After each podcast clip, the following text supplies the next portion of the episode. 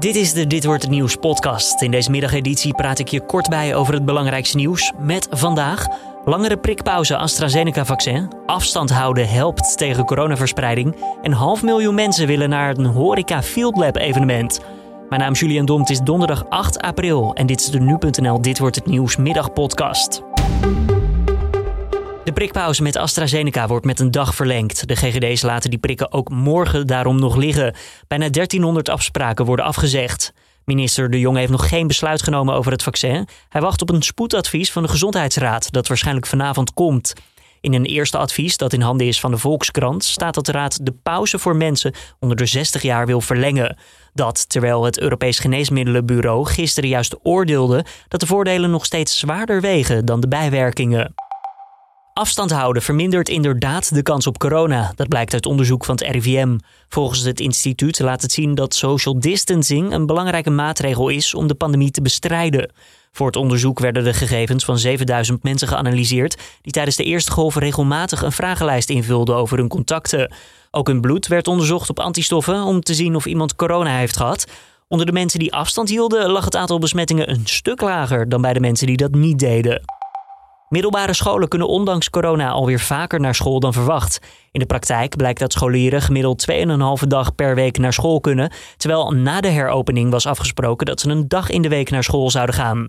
De scholen blijken dus al meer aan te kunnen en dat komt waarschijnlijk door de getroffen maatregelen van scholen. 85% zegt de klasse te splitsen en 39% zegt zelfs pauzes te spreiden. Een half miljoen mensen hebben geprobeerd een tafeltje te bemachtigen in een van de vijf kroegen in Utrecht. Dat terwijl er maar plek is voor 3000 mensen. De cafés in Utrecht doen mee aan het Field Lab experiment voor de horeca. Deze studenten die hoorden bij Radio 1 is één van de gelukkigen. Ik ging gistermiddag om twee uur samen met mijn huisgenootje proberen om een, uh, nou ja, om een plekje te bemachtigen. Nou, die site liep eigenlijk heel snel vast en we hadden de hoop al opgegeven. En toen kregen we toch om uh, kwart voor zes uh, gistermiddag, dus een paar uur later, een mailtje dat we een plekje hadden. Dus daar zijn we natuurlijk super blij mee. En verder zijn voor uitjes dit weekend al tienduizenden sneltestafspraken gemaakt op testenvoortoegang.nl. Als je negatief getest wordt, dan kan je bewijzen van proef naar een locatie zoals de Keukenhof en Avonturenpark Hellendoorn toe. En een 37-jarige man uit Den Helder is opgepakt voor het voorbereiden van een aanslag op een priklocatie. Hij wilde een vuurwerkbom laten afgaan in het voormalige gemeentehuis van zijn stad, waar nu gevaccineerd wordt tegen corona.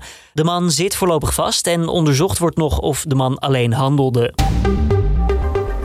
Dan het weer van Weerplaza. Zon en wolken en een graad of 9. Morgen vooral in het noorden regen.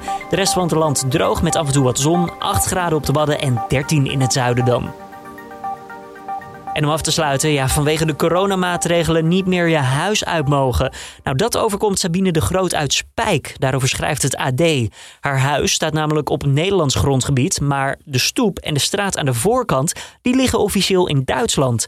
En omdat onze oosterburen nu een negatieve coronatest eisen bij het oversteken van de grens, mag Sabine dus officieel niet meer naar buiten zonder zo'n test. Ja, een unieke situatie die Sabine nogal wat kopzorgen geeft. En dit was dan de Dit wordt het nieuws middagpodcast. Tips of feedback, laat het weten via het bekende adres. Dat is podcast.nu.nl. Ik wens je voor nu een fijne donderdag. Mijn naam is Julian Dom en morgenochtend, zoals gewoonlijk, is mijn collega Carne van der Brinken weer met het nieuws van dan om 6 uur ochtends in de app en op nu.nl.